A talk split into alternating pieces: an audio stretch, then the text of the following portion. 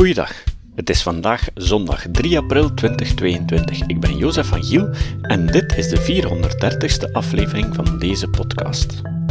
Onlangs schafte de Belgische overheid zowat alle coronaregels af. Een hele verademing voor veel mensen. De tijd zal uitwijzen of het voorbarig was. Maar hoe goed heeft België het ervan afgebracht om deze pandemie te lijf te gaan? Heeft ons land zich weer belachelijk gemaakt? Of valt het allemaal wel mee? Was het een aanslag op onze democratie? Hadden we alles beter zijn gang laten gaan? Was het wel een goed idee om te vaccineren? Bij de 40ste verjaardag van Liberas, het Liberaal Archief in Gent, maakt Dirk de Vroei een analyse. En ik mocht hem opnemen. Vandaag horen jullie zijn conclusie. Hoe corona de grenzen van onze gezondheidszorg en onze democratie heeft getest. We gaan over naar onze volgende spreker, eh, Dirk de Vroei.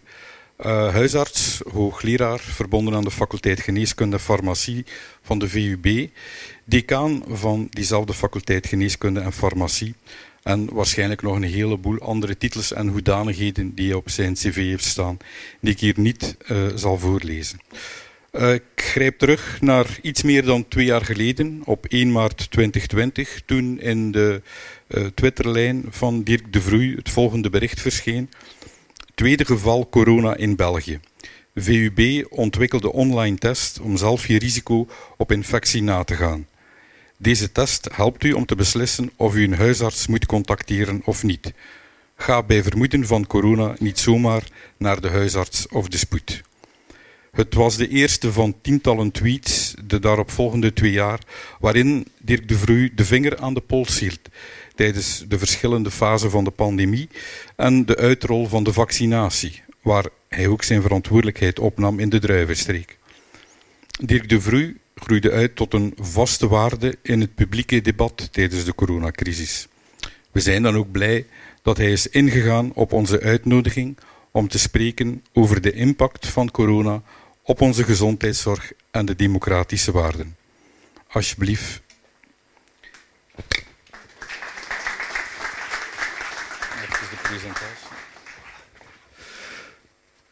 Voilà, mijn masker mag nu af. Hè. Uh, voilà, heel uh, goede ochtend, zondagochtend. Bedankt Liberas voor uh, de heel vriendelijke uitnodiging. Ik ben heel blij dat ik toch met een, een klein beetje diepgang en meer dan die 144 karakters van een Twitterbericht tot jullie mag spreken vandaag. Want dat is toch wel altijd het probleem dat ja, Twitter is zo beperkt en kan je zo weinig nuance leggen. Vandaag heb ik een half uurtje om jullie uh, ja, toch een, een, een, een belangrijk aspect van die corona te tonen. Dat is de grenzen die we daarmee tegengekomen zijn. Um, ik ga dat in drie delen opdelen, deze uiteenzetting. De cijfers, de maatregelen en de democratie. Eerst ga ik mijn conflicts of interest tonen. Het zijn er een heel lijstje. Het zijn de, de belangrijkste die erop staan. Uh, maar daarmee weten jullie wat mij zou kunnen beïnvloed hebben in wat ik jullie vandaag zeg. Ik zeg niet dat dat zo is, maar ik steek het dan ook niet onder stoelen of banken dat het zo zou kunnen zijn. Uh, de cijfers. Jullie hebben allemaal de cijfers elke dag zo wat uh, gekregen via Cienzano. Ja? Um, elke dag werd er uitgekeken naar de persconferentie van Steven van Gucht. Ook op de VUB hadden wij eigenlijk cijfers die gebaseerd waren op Cienzano. Um, en als je daarnaar kijkt, ik ga even op het podium staan. Herinnert je nog? Dit was de eerste golf. Dit hier. Ja? De tweede golf, de derde golf, de vierde golf, de vijfde golf. Hier zitten we vandaag, of zaten we gisteren. Ja? Als je ziet, hoe komt dat dat het zo'n groot verschil was in die cijfers? Natuurlijk omdat hier, bij die eerste golf, alleen maar de mensen die in het ziekenhuis waren getest werden. De anderen werden helemaal niet getest. Ja? En nu testen we eigenlijk iedereen die die de minste symptomen heeft of in contact geweest is. Dat is de reden waarom dat die cijfers zo op en af gaan. Belangrijk daarbij is, als je de sterftecijfers bekijkt, dan gaan die eigenlijk hier zitten voor die eerste golf, bij wijze van spreken. En zitten de sterftecijfers nu hier helemaal beneden. Dat is het grote verschil. En die sterftecijfers, die meting is altijd hetzelfde gebleven over de verschillende, of toch over de twee jaren. Dus dat is eigenlijk een, een kleine duiding bij een eerste grens die we tegengekomen zijn. En dat is het meten van eigenlijk de crisis. Het meten van het aantal positieve gevallen, het meten van de sterfte. Als je kijkt naar die sterfte, dit is eigenlijk de lijn van de normale sterfte over een jaar. En dit was die eerste golf die we heel duidelijk zien. En dat zijn de sterftecijfers die toegeschreven zijn aan corona. Ja? Eigenlijk zijn er heel wat van die sterftecijfers toegeschreven aan corona. Zonder dat daar zelfs maar een test gebeurd is bij die mensen dat ze corona hadden. Gewoon, als je stierf in een woonzorgcentrum in die periode, dan werd je overlijden toegeschreven aan corona. Nog een duiding van de beperking van uh, die cijfers. Dit is zo'n studie van, uh, van, van Cienzano, waarin dat je eigenlijk ziet, hè, dit was corona, de sterfte, dit was 1940, de Tweede Wereldoorlog. 1918, de Eerste Wereldoorlog. En je ziet zo die kleine piekjes die er, eh, die er kunnen optreden, waarbij dat we hier dan toch weer een significante stijging hebben kunnen zien, maar die uiteraard niet te vergelijken was met een oorlog. Als we kijken naar hospitalisaties, en daar komen we bij een tweede grens uh, in de gezondheidszorg, waarmee dat we in contact gekomen zijn, en dat is onze ziekenhuiscapaciteit. Als je ziet hoeveel hospitalisaties dat er waren in die eerste golf, in de tweede golf, hè, en dan eigenlijk minder hospitalisaties. En nu, als je ziet, als je die twee golven vergelijkt, ja, dan, dan zouden we tien keer zoveel hospitalisaties moeten hebben als dat we nu hadden. Dus eigenlijk onze ziekenhuisbedden hè, zijn tot 7000 mensen tegelijk hebben er in het ziekenhuis gelegen met corona. Hoeveel bedden hebben we dan? Wel, als je in totaal kijkt, 52.000 bedden. Is dat dan zo erg? Ja, we hadden toch 52.000 bedden en er hebben maar 7.000 mensen in het ziekenhuis gelegen. Wat is het probleem? Het probleem is natuurlijk dat een heleboel andere mensen geen verzorging hebben kunnen krijgen. En dat zie je eigenlijk in deze uh, grafiek waarbij dat je ziet dat hoe meer mensen in het ziekenhuis liggen, hoe meer dat de zorg eigenlijk uitgesteld wordt. En je hebt daar niet-essentiële zorgen, uh, maar je hebt ook essentiële, de rode grafiek hier, essentiële zorg die mensen niet krijgen. Mensen met kanker, mensen met een hartinfarct, mensen met uh, een, een, een, ernstige ziekte, longlijden, uh, acuut longlijden bijvoorbeeld. Mensen die allemaal hun zorg uitgesteld zijn. Sommige epidemiologen zeggen zelfs dat het aantal sterftes, het aantal overlijdens door corona dubbel zo hoog nog zal zijn, doordat daar op die momenten eigenlijk ziekenhuisbedden niet toegankelijk waren uh, voor mensen met deze ziektes die dan uitgesteld geweest zijn. Intensieve zorgen, daar zien we gelukkig heel gunstige cijfers, die zijn nog altijd aan het zakken. Eigenlijk de, cijfers op intensieve zorg, het aantal mensen op intensieve zorg ligt, is zeer laag. Maar we hebben onze grenzen daar verlegd. Normaal in België hebben we een 7, 800-tal bedden intensieve zorgen. De overheid heeft daar de deur heel soepel opengezet naar financiering. Ziekenhuizen hebben op een bepaald moment 2 miljard euro gekregen van de overheid. Gewoon om eigenlijk uh, die coronazorg te, op, of om naar coronazorg te kunnen opschalen. 2 miljard euro die nu zelfs pas in 23 helemaal zal, uh, zal afgerekend worden. Maar wel met dan de mogelijkheid om uh, bijvoorbeeld het aantal bedden op intensieve zorgen uit te breiden naar bijna 2000. Van 7800 naar 2000 maakt dat die capaciteit veel groter is. Wij hebben eigenlijk nauwelijks moeten mensen naar andere landen brengen om intensieve zorg te krijgen.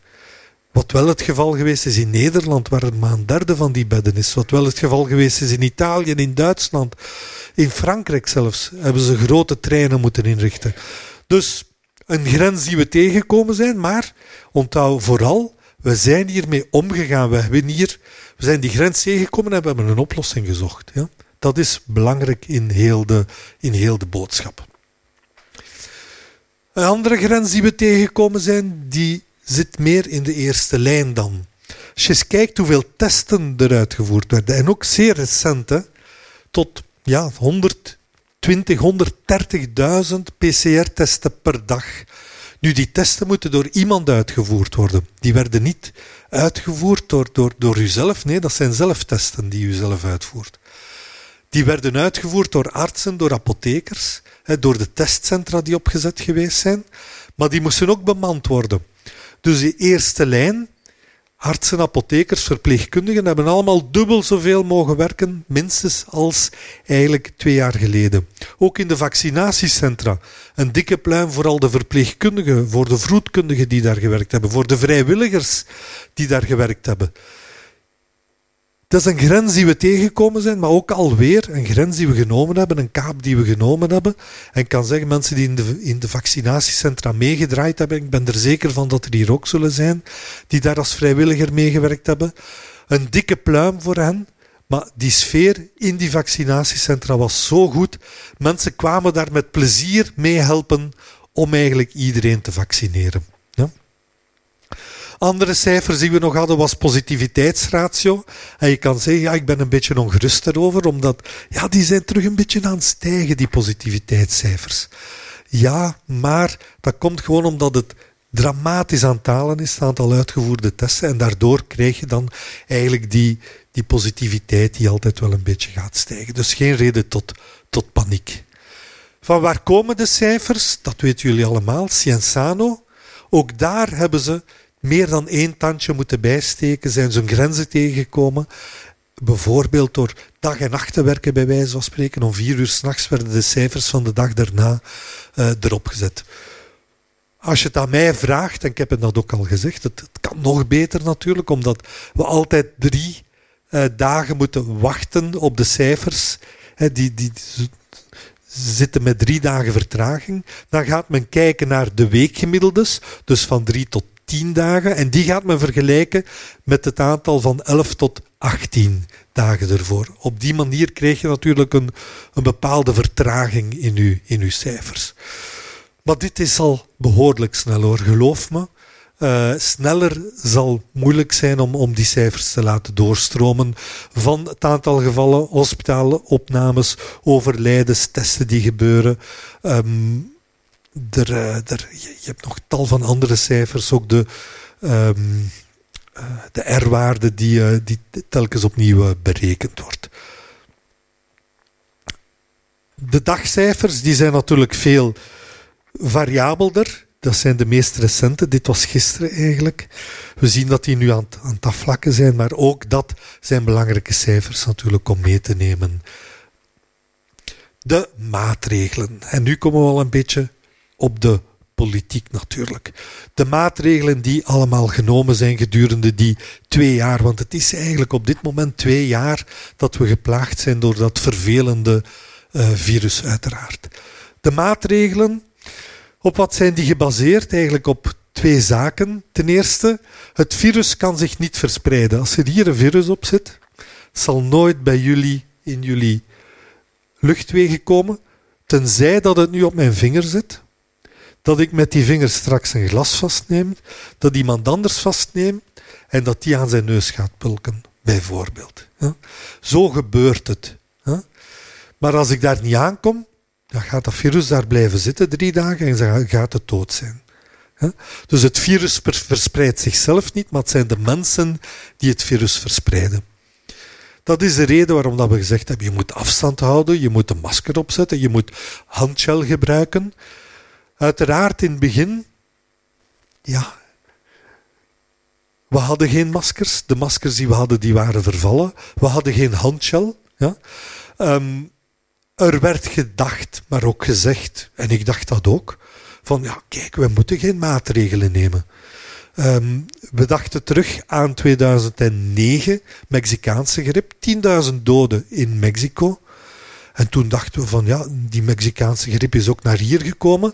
Herinner u nog? 17 doden in België. We dachten toen ook, ja, dat is iets van in China. Hè? Uh, die corona. Uh, waar dat ze kort op elkaar leven, slechte socio-economische omstandigheden. Hier in België, wij wassen onze handen, wij zijn sterk, wij zullen hier nooit zoveel, uh, zoveel last van hebben. Helaas hebben we ons daarbij misrekend. Hè? Helaas. Maar we konden dat toen niet weten. Effect van corona op onze gezondheid. Op korte termijn hebben we natuurlijk de overlijdens mensen die ziek zijn. Lange termijn lichamelijk, maar ook psychisch heeft dit een effect gehad. Uitstel van zorg en economisch ook. Ik wil er snel over gaan. Een lockdown, dat was een van die maatregelen die in eh, maart van vorig jaar uitgevaardigd werden. Hè. Ook alweer wat dat, dat tot doel, beperken van de contacten en terugdringen van het aantal infecties. Dat was op dat ogenblik wel echt waar dat we naar, naartoe wilden. Nadelen natuurlijk op de mentale gezondheid, op de economie, ja, op de, de, de sociale contacten die we hadden, op het onderwijs had het een enorm nadeel. Ja. Waarom hebben we dat allemaal gedaan? Omdat we natuurlijk, herinner u, dit hebben we al lang niet meer getoond, flatten the curve. Maar eigenlijk wilden wij de gezondheidszorg toelaten om die infecties die er massaal gingen komen, om die gespreid op te vangen. Niet in één grote piek, maar eigenlijk om ja, ervoor te zorgen dat de capaciteit die we hadden met ons gezondheidssysteem, dat we daarmee eigenlijk al de mensen die zouden besmet geraken zouden kunnen opvangen. Dus eigenlijk een vertraging van het aantal um, gevallen, waardoor dat de capaciteit zijn grens net niet zou bereiken. En eigenlijk, als je kijkt naar de cijfers in België, zijn we daarin geslaagd. Tuurlijk, ik heb hier ja, gewoon voor het eerste jaar, want 5 maart vorig jaar, herinner u, waren er ook versoepelingen. Hè? Heel toevallig, jaar op jaar. Eh, dat, die, dat die terugkomen. Maar als je ziet wat dat er allemaal gebeurd is: een zachte lockdown, een harde lockdown, derde versoepelingen, nationale verstrengingen, een exit-strategie, noem maar op. Ja, er moest heel snel geschakeld kunnen worden. Ja? En wat was dan de oplossing? Een absolute lockdown? Ja, waarbij dat iedereen twee weken binnen zou blijven. Een beetje zoals in China. Echt de sleutel op slot je werd echt uh, op straat tegengehouden als je daar buiten zou zijn. Geen contact met de buitenwereld. Dan zou het virus inderdaad snel in kracht gaan afnemen. Maar hier in België konden wij dat niet doen, of willen wij dat niet doen, omdat we natuurlijk voor een deel het onderwijs wilden uh, handhaven. Maar we, de ziekenhuizen moesten open blijven, de woonzorgcentra moesten open blijven, de winkels moeten open blijven. En ja, dat ligt in onze aard niet in om zo'n beslissingen te nemen. Dus een menselijke oplossing, bepaalde activiteiten die toch nog toegestaan werden. Dus noteer, in België is er nooit een volledige lockdown geweest zoals die in China is. Psychologisch natuurlijk is er een uh, groot probleem geweest. Niemand zit graag binnen opgesloten. Als je ziet hoe blij dat iedereen is om hier vandaag te zijn, uh, om een keer mensen terug te zien. Voor sommigen is het al zeer lang geleden trouwens, hè, dat je elkaar nog teruggezien hebt. Dus, maar eigenlijk had de regering wel goede redenen voor zo'n eerste lockdown. Moest het verspreiding van het virus verminderen. Er was tekort aan persoonlijk beschermingsmateriaal. Tekort aan covid-testen, herinner u? In het begin, we hadden geen covid-testen. We moesten die echt gebruiken voor de mensen die zeer erg ziek waren. Ja? Ja, niemand had ooit geweten dat we al die testen hadden moeten in, in, uh, in, in, in voorraad nemen. Tekort aan ziekenhuisbedden, tekort aan beademingstoestellen. Herinner u dat er met duikmaskers beademingstoestellen gemaakt werden, helemaal in het begin. Um, daarnaast, ja, zo'n lockdown had misschien nog een voordeel voor het klimaat, hè, minder uitstoot. Um, en tijd om samen met het gezin door te brengen, alhoewel dat dat niet altijd positief was. Als je ziet dat sommige mensen in de grote steden dan met drie generaties bij wijze van spreken in twee kamertjes moesten samenleven, ja, dat heeft voor heel wat conflicten ook uh, gezorgd. Tuurlijk, iedereen was in shock. Zo'n lockdown, voor de economie is dat niet goed. Hè. Ook voor uzelf, hè, opgesloten zitten, uh, is dat niet goed. Er werd verlies van vrijheid gepercipieerd. En dat was er ook, dat verlies van vrijheid. Maar ook een verlies van jobs en van inkomens voor heel wat mensen. De uitzichtloosheid, weerstand bij de bevolking die er was, toch bij sommige mensen. Er waren dan op de duur kampen voor en tegen lockdowns of tegen maatregelen. Dus geweld en middelenmisbruik binnen de gezinnen waren ook een van die maatregelen. Als die uh, lockdown te lang, te uitzichtloos zou geweest zijn. Nu, een vraag die je dan altijd krijgt, ja, maar was er wel wetenschappelijk bewijs voor zo'n lockdown? Ja, uiteraard. Het wetenschappelijk bewijs dateert van in de tijd van, van, uh, van Napoleon, bij wijze van spreken, toen schepen, toen dat die uit, uh, uit, uit, uit, India kwamen, schepen toen dat die uit, uit, uh, uit China kwamen, moesten ja, de, de mensen en de dieren moesten in quarantaine gaan. Herinner u nog? Moet altijd terugdenken aan Dubrovnik, waar dat je zo'n quarantainegebouw had. Maar eigenlijk voor de Atlantische kust van Frankrijk heb je ook zo'n aantal quarantainegebouwen gehad. Waar mensen en dieren dan twee weken, of vroeger veertig dagen quarantaine, in afzondering moesten voordat ze op het land mochten, om zeker te zijn dat ze geen besmettelijke ziekten hadden, zoals dat de pest toen aanwezig was bijvoorbeeld. Vandaar dat die term quarantaine ook nu gebruikt geweest is. Er waren studies, 2020 heb ik het hier, augustus 2020. Um, en daar toonden ze aan dat eigenlijk een lockdown geen invloed had op de mortaliteit. Ja, dat was vervelend. Maar er waren bepaalde. Ik ga nu heel snel over die studies gaan. Hè.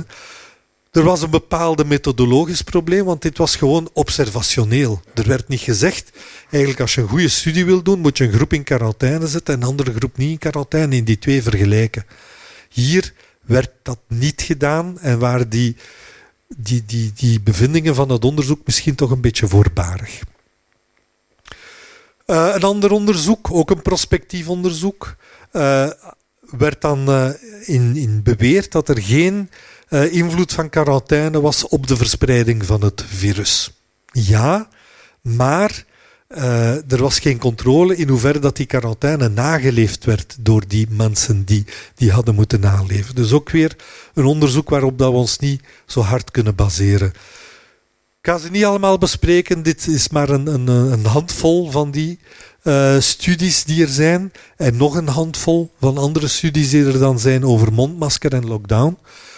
Waar dat we ons wel onder meer op baseren, is uh, natuurlijk een, een studie uit uit uh, Wuhan, waarbij dat eigenlijk een volledige quarantaine, met ook het stoppen van openbaar vervoer, eigenlijk heeft het aantal infecties teruggebracht van 4 naar 1. Dat wil zeggen, elke persoon die geïnfecteerd was, ging normaal vier andere mensen besmetten. Met die lockdown en met stoppen van openbaar vervoer was dat nog beperkt tot één persoon, dikwijls binnen zijn eigen gezin dan. Een andere studie, ik ga ze niet allemaal aanhalen, maar kon bewijzen dat de overdracht van ziekte met 81% kon verminderen met een, uh, met een lockdown. En nog een laatste, denk ik, waar dat ik naar teruggrijp. In Amerika, de staten waar er een lockdown was, zag je snellere controle van het aantal infecties dan zonder de, de lockdown. Dus dit waren toch wel studies die echt wel konden aantonen dat die lockdown uh, zijn belang had. En het was inderdaad een, eh, een eh, Swiss cheese model, werd het genoemd op het einde. Het was niet één, eh, één beveiligingssysteem, maar verschillende beveiligingssystemen op rij die je had om je te beschermen tegen corona. Ga hier nog, nog even gauw overgaan, maar dit bijvoorbeeld om, om te zeggen, de landen die het goed deden, Taiwan en China. Dit is een, een logaritmische schaal, dus 1000, 10.000, 100.000, 1 miljoen, 10 miljoen gevallen. dus het is niet omdat je hier zit, dat zijn maar duizend gevallen. Hier zit je al aan 1 miljoen gevallen bijvoorbeeld. België zou ongeveer in die hoogste curves wel zitten, waar dat uh, Brazilië, UK, Russia in zat. Uiteraard hebben wij een veel kleinere bevolking. We hebben nu 3 miljoen gevallen gehad, dus we zouden op dit moment hier ongeveer zitten.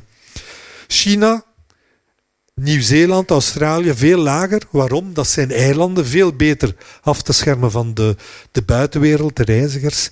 Dus eigenlijk ook een bewijs dat het, het beperken van de contacten wel degelijk heeft geholpen om die curve af te vlakken. En dat was uiteindelijk de, de bedoeling en dat vergeten we nogal eens dikwijls.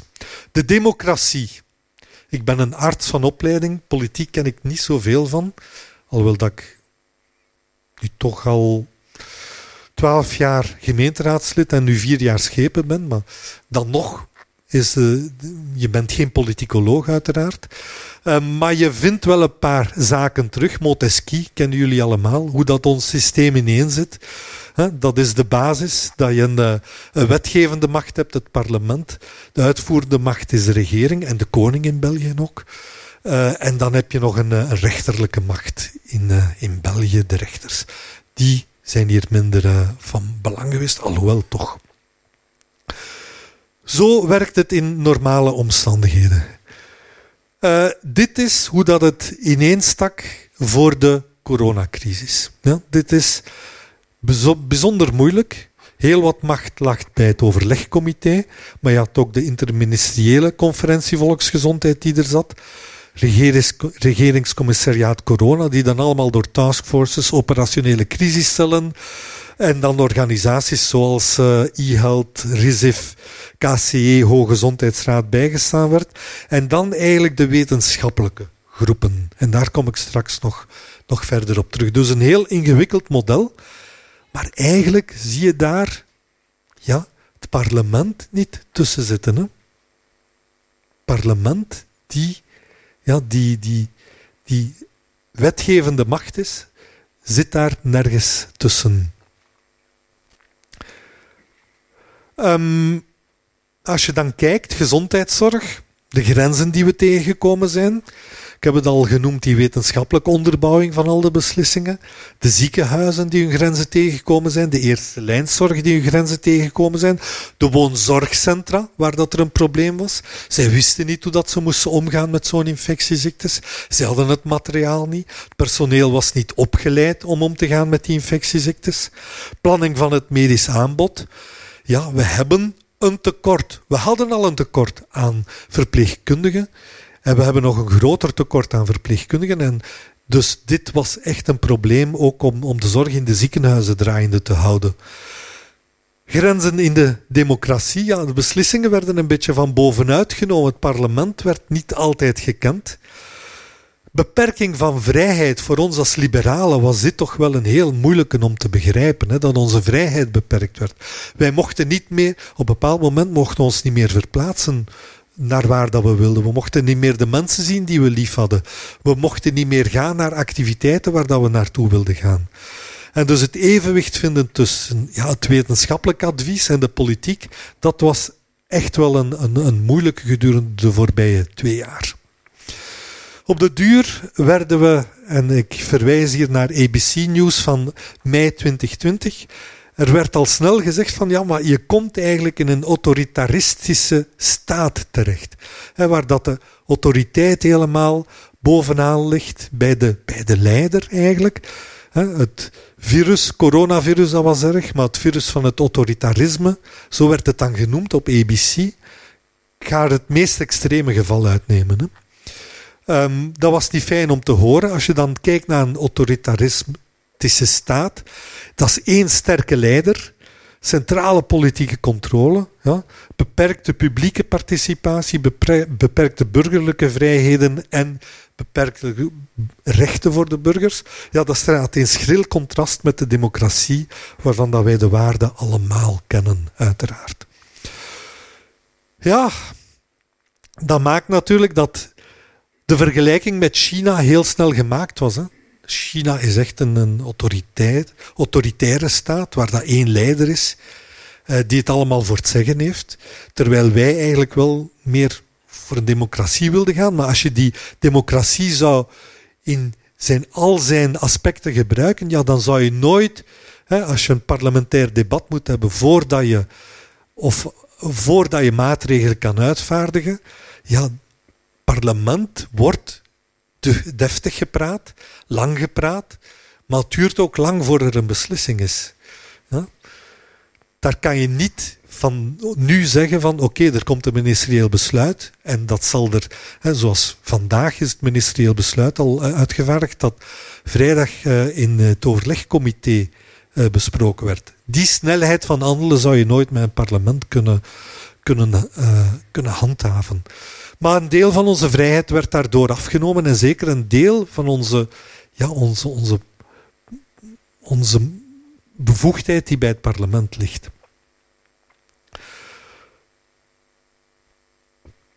Ik wil nog een meer extreem geval.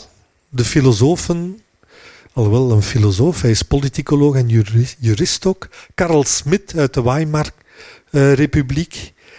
en de uitspraken die hij hier deed, was eigenlijk omwille van het gevaar dat uit Rusland kwam. Hoe actueel kan het zijn? Hè? Maar die eigenlijk Duitsland uh, verwittigde van ja, kijk, als de Russen aanvallen, ga je er met je democratie niet komen. Ja?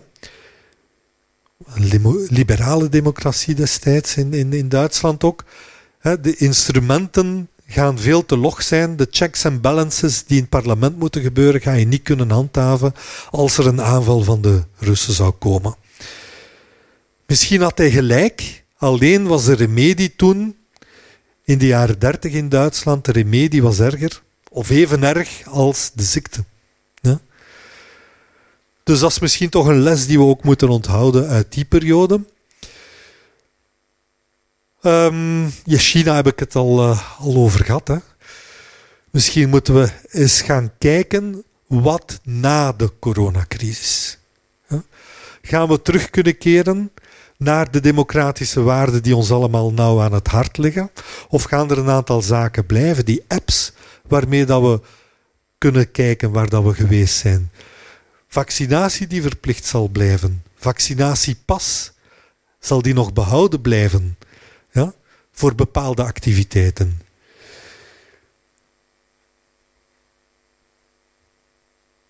Nu, er was al een probleem van voor de coronacrisis uiteraard. Um, maar als we eens kijken, en ik geef een beetje gas, want ik weet dat mijn tijd beperkt is tot een half uurtje. Iemand die we allemaal kennen en die ons heel nauw aan het hart ligt, John Stuart Mill. Ja? Die kennen we allemaal. Een van zijn werken, On Liberty, is heel toepasselijk. En, en het is eigenlijk uh, via een politiek column of een column in uh, Libertas, uh, de denktank van Paul de Grauwe, die eigenlijk de vergelijking ook gemaakt heeft of de aandacht gebracht heeft op John Stuart Mill. Um, dus in zijn denken kan je stellen, ja, het is geen misdaad, hè, vrijheid is pas een misdaad als je eigenlijk de vrijheid van anderen schaadt of andere schade berokkent. Ja? Je kunt daar heel veel ver filosofisch in gaan. Ik ben absoluut geen filosoof. Maar de enige reden om macht rechtmatig uit te voeren eigenlijk tegen iemand zijn wil, is eigenlijk het voorkomen van schade aan anderen. Ja? Ehm, een voorbeeld daarvan, denk ik, dat is bijvoorbeeld, hè, en ik ga er heel snel uh, over gaan. Paul de Grauwen had het over te snel rijden. Ik zal het hebben over uh, ja, het rijbewijs. Ja, we hebben een rijbewijs, een pasje om met de auto te rijden. Ja, dat is ook een pasje. Dat is ook een vrijheid die niet iedereen heeft. Niet iedereen mag met de auto rijden. Je moet een rijbewijs hebben om met de auto te kunnen rijden. Anders riskeer je om anderen schade toe te brengen. Dat is zo'n reden waarom dat onze vrijheid, ook al ligt die ons zeer nauw aan het hart, waarom dat die beperkt is. Rijbewijs, autokeuring, verkeersregels zijn er allemaal. Ja? En je moet afwegen, hè? wat is de schade van de beperking of van die vrijheid en wat is het voordeel? Bijvoorbeeld dronken met de auto rijden, ja, dat kan schade aan jezelf aanbrengen, dat mag je doen. Schade aanbrengen aan anderen, dat willen we niet dat je dat doet. Ja? Maar, hetzelfde met de snelrijden, het voorbeeld van Paul de Grauwe. Dronken rijden, iedereen, ik ga niet zeggen iedereen, een paar mensen hebben hier al wel eens dronken met de wagen gereden. Ja? Dronken, daarmee bedoel ik meer alcohol binnen hebben dan dat je mag om eigenlijk veilig met de wagen te rijden. Maar de meeste mensen die rijden mooi naar huis, hebben geen ongeluk. En er gebeurt niets. Ja, hetzelfde met corona. Hè? Ik kom in contact met andere mensen met corona en ik word niet geïnfecteerd. Niets gebeurt. Ja. Maar natuurlijk die ene keer dat je wel gaat botsen met je wagen, dat je wel een kind gaat doodrijden, dat is natuurlijk een, een, een, een enorm schadegeval die je gaat veroorzaken. Het moment dat je andere mensen met corona infecteert, is een enorm schadegeval dat je gaat veroorzaken. Op dat moment. Hoe groot is die kans? Wel, daarom zijn de wetenschappers er dan, om dat te gaan berekenen. Er is duidelijk wetenschappelijk bewijs dat dronken rijden meer kans veroorzaakt uh, dan niet dronken rijden op ongevallen. Um, en dan heb je natuurlijk ja, de kracht van het wetenschappelijk bewijs.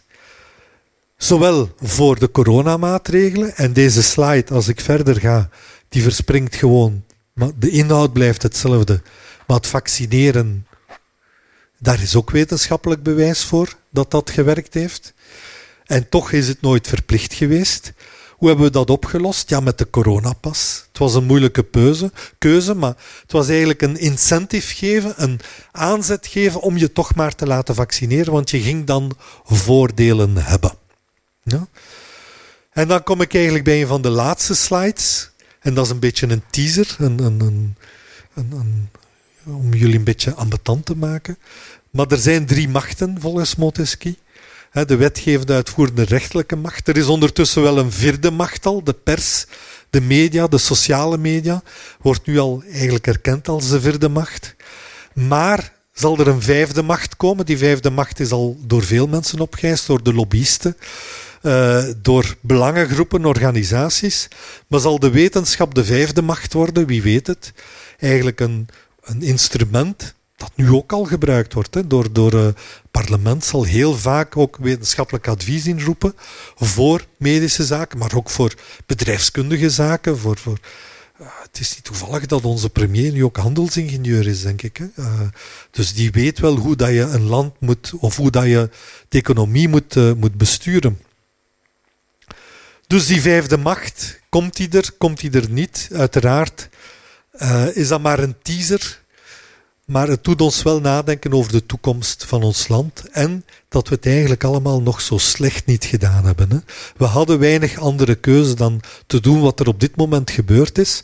Net zoals voor corona komt er nu een, een, een periode van waakzaamheid waar dat we terug moeten keren naar het normale. Hetzelfde zal moeten gebeuren voor de politieke uh, voor het politieke toneel, waar dat er terug zal moeten gegaan worden naar het normale, waar het parlement terug zijn, zijn normale werking zal, uh, zal kunnen uitvoeren. Het zijn de grenzen die we tegengekomen zijn met onze gezondheidszorg en met de politiek.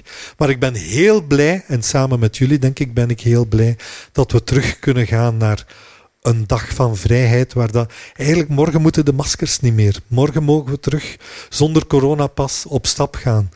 Uh, ik ben heel blij dat we echt dit moment gekozen hebben om deze voordracht te kunnen geven.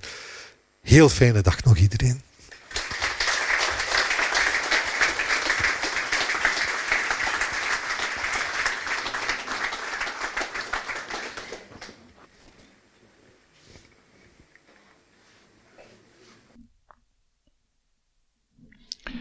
Het citaat. Het citaat van vandaag komt van Joël de Keuleer. Joël de Keuleer is een journalist die momenteel werkt voor De Morgen. Het komt uit zijn boek Hoera! De democratie is niet perfect.